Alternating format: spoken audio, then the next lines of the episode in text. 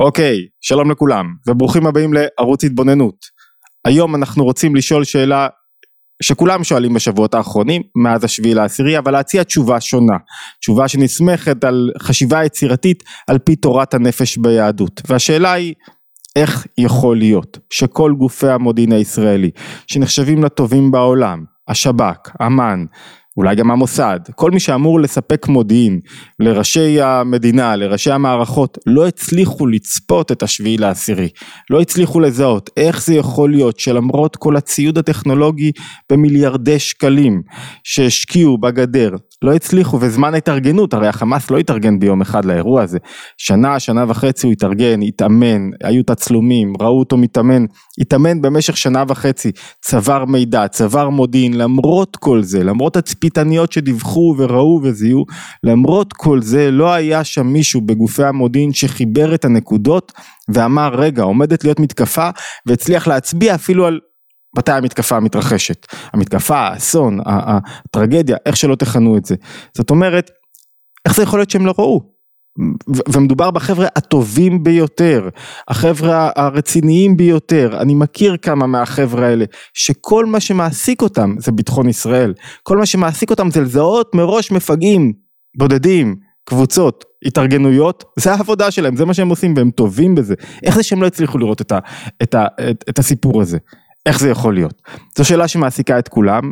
יש, בדרך כלל מחלקים את זה לשתי תשובות, הרווחות, אלה ששמעתי שמוסרים המתראיינים בהווה, אנשי צבא בהווה, בעבר, יש כאלה שמצביעים על הבעיות הטכניות, הכשלים הקטנים, זאת אומרת פתאום הבלון הזה לא עבד, התצפית הזאת לא עבדה, פה לא ברור שהבעיה היא לא הכשלים הטכניים, אמ, הטכניים והטכנולוגיים כאלה ואחרים. הכשל, כולם מצביעים עליו נעוץ במקום אחר. הקונספציה קרסה. מה זה קונספציה? קונספציה זה זווית ראייה שדרכה אני רואה את המציאות. זו הנחת שבתוכה מגולמת גם הנחת העבודה שלי. אין אדם שאין לו משקפיים דרכם הוא מפענח, מפרש את המציאות ועל פי הפענוח הזה, זה האופן שבו הוא מתנהל, זה האופן שבו הוא מציב הנחות יסוד ופועל על פיהם. והקונספציה, תפיסת עולם, הנחת העבודה הייתה שהחמאס והפלסטינאים רוצים חיים טובים יותר, תיתן להם דלק, תיתן להם אפשרויות עבודה, תיתן להם הזדמנויות, תפתח להם את האופק ואז הם ירצו גם לצמוח, להתפתח, להיות חברה בריאה תקינה ולא הצליחו לתפוס שזה לא עובד ככה, לתפוס שהזווית ראייה שלהם היא אחרת, שהם מכוונים למשהו אחר. עדיין להגיד הקונספציה קרסה, האופן שבו משתמשים בזה, כל הראשי הביטחון לא פותרת את השאלה. רגע, השאלה הגדולה היא איך? לא זיהיתם שהקונספציה קרסה. הרי זו בדיוק העבודה של גופי המודיעין, זה, זה בדיוק מה שמלמדים בכל הקורסים לחשיבה יצירתית. איך לא זיהיתם שהקונספציה קרסה?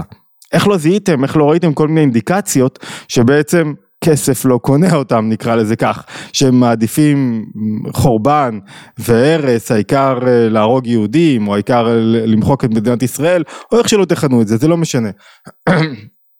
איך לא ראיתם את כל הסימנים שההתקפה ממש, ממשמשת ובאה, זאת אומרת השאלה שלנו היא לא, רגע הקונספציה קרסה, זה לא הסבר לזה שלא זיהיתם, איך לא זיהיתם שהקונספציה קורסת, שזווית הראייה שלכם, תפיסת העולם שדרכה אתם מסתכלים, אתם, אנחנו, לא משנה, מסתכלים, אין פה ביקורתיות או שיפוטיות, יש פה ניסיון אמיתי להבין מה לא עבד מבחינת חשיבה יצירתית, ואיך אנחנו יכולים להפיק מכך לקחים גם במובן הכללי, הלאומי, וגם במובן האישי של כל אחד מאיתנו. זאת אומרת השאלה איך אתה לא שם לב לפעמים שהקונספציה קורסת. וכדי להבין את זה צריך להבין רגע עניין מרכזי בחשיבה יצירתית על פי המחשבה היהודית. פה אני רוצה להצביע, לשרטט את הנקודה המרכזית ביותר בספר הפוך, מי שלא נתקל עד היום. הפוך חשיבה יצירתית ומימוש פוטנציאל בדרך הסוד היהודי, ספר דרך אגב שתורגם אה, לסינית, שמנסה להסביר לנו שחשיבה יצירתית נמצאת במקום אחר. איך בדרך כלל מתארים לנו חשיבה יצירתית?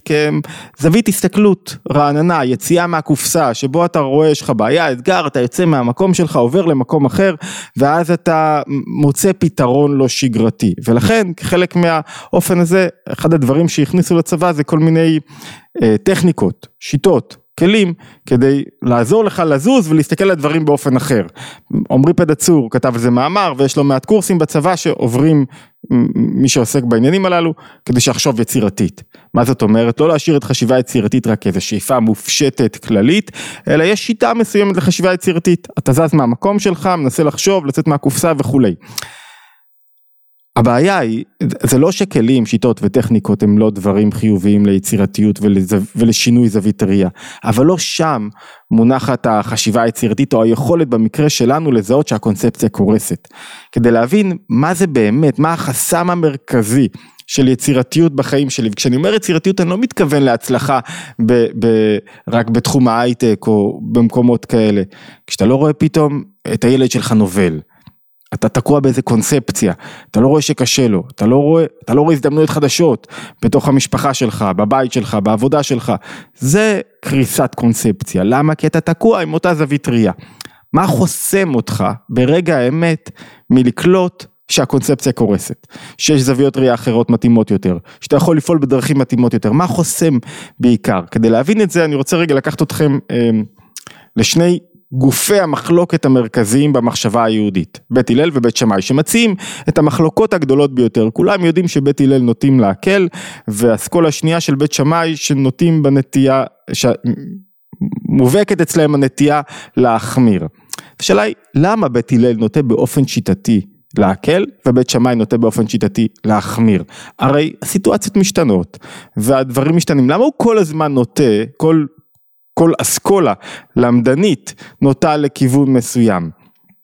אחת התשובות המרכזיות שמעלה האדמו"ר הזה כן הוא אומר שהרגשות שלי או המידות שלי או הנטיות הרגשיות שלי זו הנקודה הכי חזקה שיש צריך לתפוס אותה משפיעות על ראיית השכל או על הקונספציה שלי או על האופן שבו אני דברי, רואה את הדברים זאת אומרת שאם יש לי בנפש שלי נטייה לעכל כלומר נטייה לחסד, כלומר נטייה לראות את הטוב, נטייה לעזור, נטייה להיות אופטימי, אני, התנועה הבסיסית שלי תהיה גם בשכל שלי לחפש היכן מקלים, היכן רואים את הדברים שהתפתחו בצורה חיובית, היכן רואים את הדברים שילכו בכיוון יותר אופטימי, כך הוא אומר את זה בלשונו. והנה אף בהלכות איסור והיתר בפתיחה לתניא, הוא אומר ראינו מחלוקות ענקיות מן הקצה לקצה בין תנאים והמורים, איך זה יכול להיות? ואלו ואלו דברי אלוקים חיים, איך זה יכול להיות כאלה מחלוקות גדולות?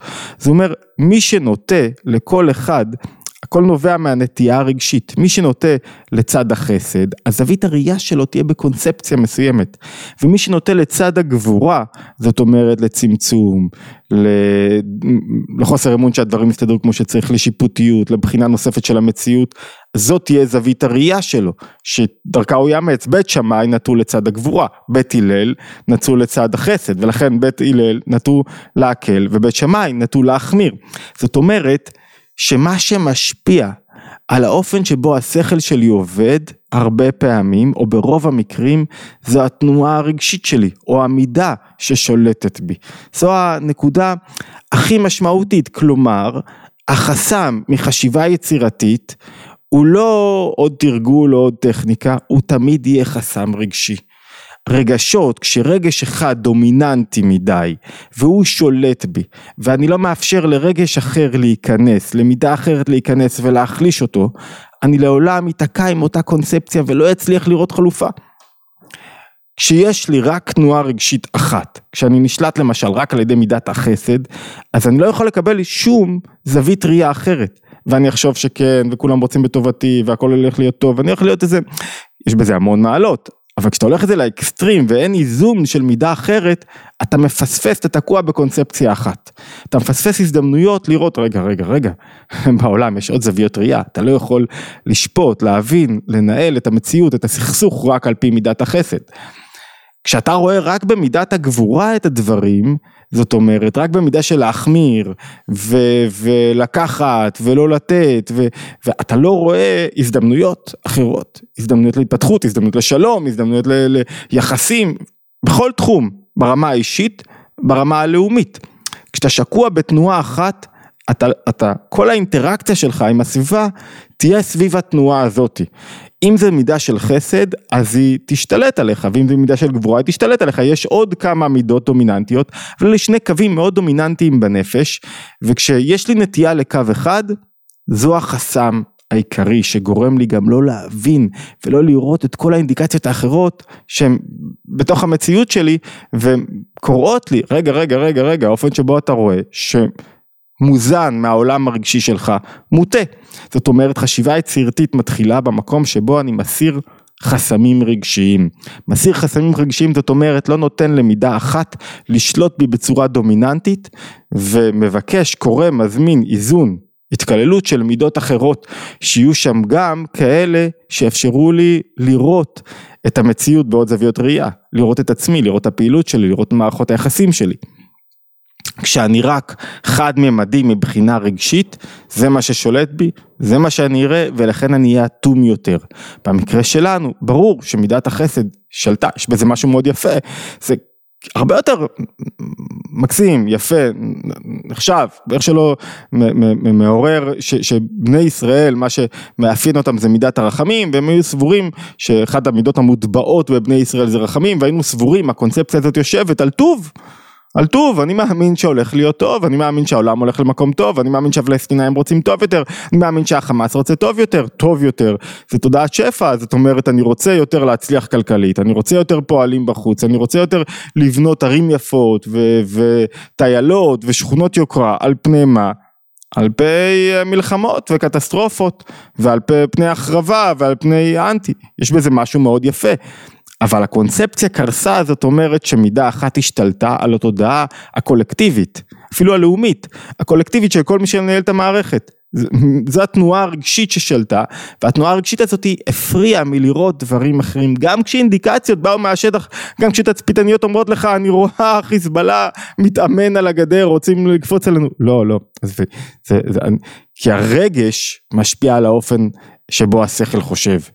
ולכן לא יעזור לך אם תעשה מיליון כלים ותנסה רגע לחשוב אחרת, אם לא תצליח ליצור שינוי רגשי, זאת אומרת לשבור רגע את התנועה אחת הדומיננטית ולגדל בתוכך תנועה אחרת ולשמור על איזון ביניהם, אתה תפסיד את היכולת לראות את הקונספציה קורסת או הזדמנויות אחרות צומחות או דברים אחרים שפתאום עם רוצה מוכן לשלום ויש הזדמנויות חדשות. כתוב שלעולם אומרים חכמים במסכת תענית שלעולם יהיה אדם רך כקנה ואל יהיה קשה כארז. ומסבירים בספרות החסידות שקשה כארז זה מצב שבו מידה אחת דומיננטית בך משפיעה על ההשקפה השכלית שלך היא מידה קשה והיא הופכת אותך לקשה.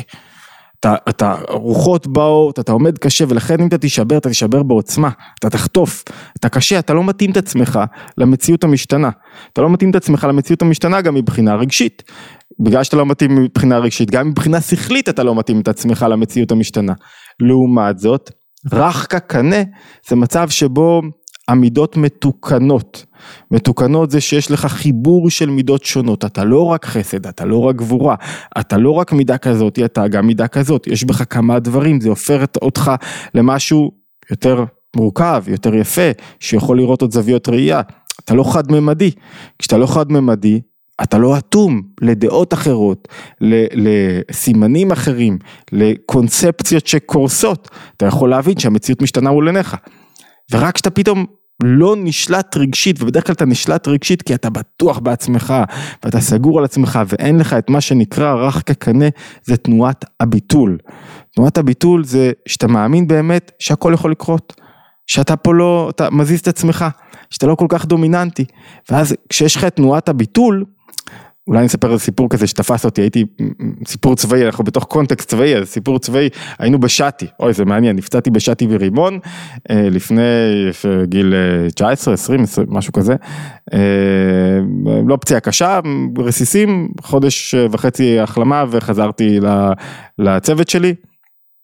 ובשאטי, אני, אני זוכר כמה ימים לפני שנפגעתי מרימון, אז היינו ככה עושים נקודות תצפית בתוך מחנה הפליטים, ובאתי עם, עם החפ"ק לאיזה נקודת תצפית, ו... אמ,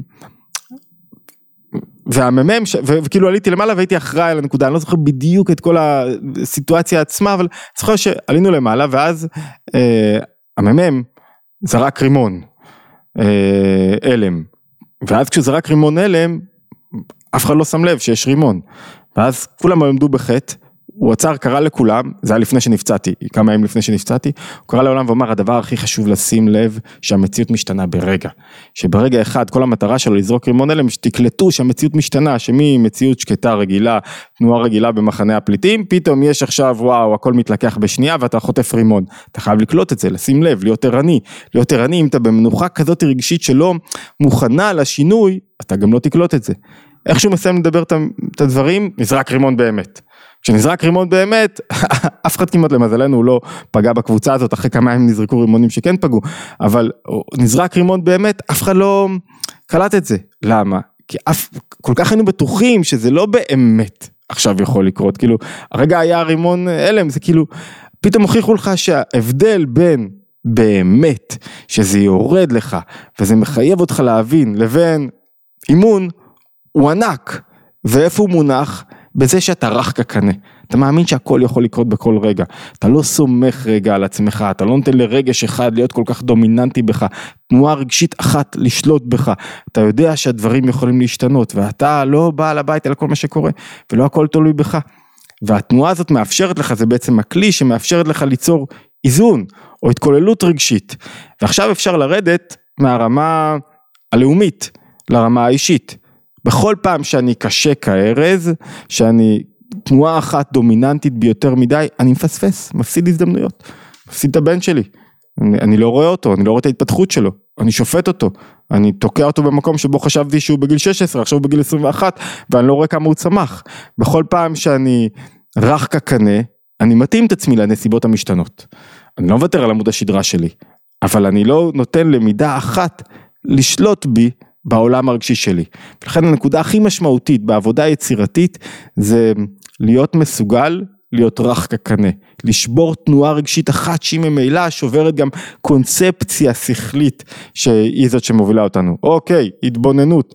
אמ, יש לנו כוונה קצת אה, לשנות את מבנה ההתבוננות, במקום התבוננות יומית לעבור לפעמיים בשבוע, כי יש לי שני ספרים על הקנה שמחכים להעלאת הילוך, כנראה בימי ראשון ורביעי, יעלה באופן קבוע לימוד, אחד על פרשת שבוע ואחד בעניינים כלליים שקשורים לתורת הנפש ביהדות. אמ, אתם מוזמנים להצטרף אלינו כדי לעקוב אחר הנושאים השונים שעולים וגם להצטרף ל- ללימוד השבועי שלנו בזום דרך ערוץ התבוננות ועוד מגוון קורסים וכולי.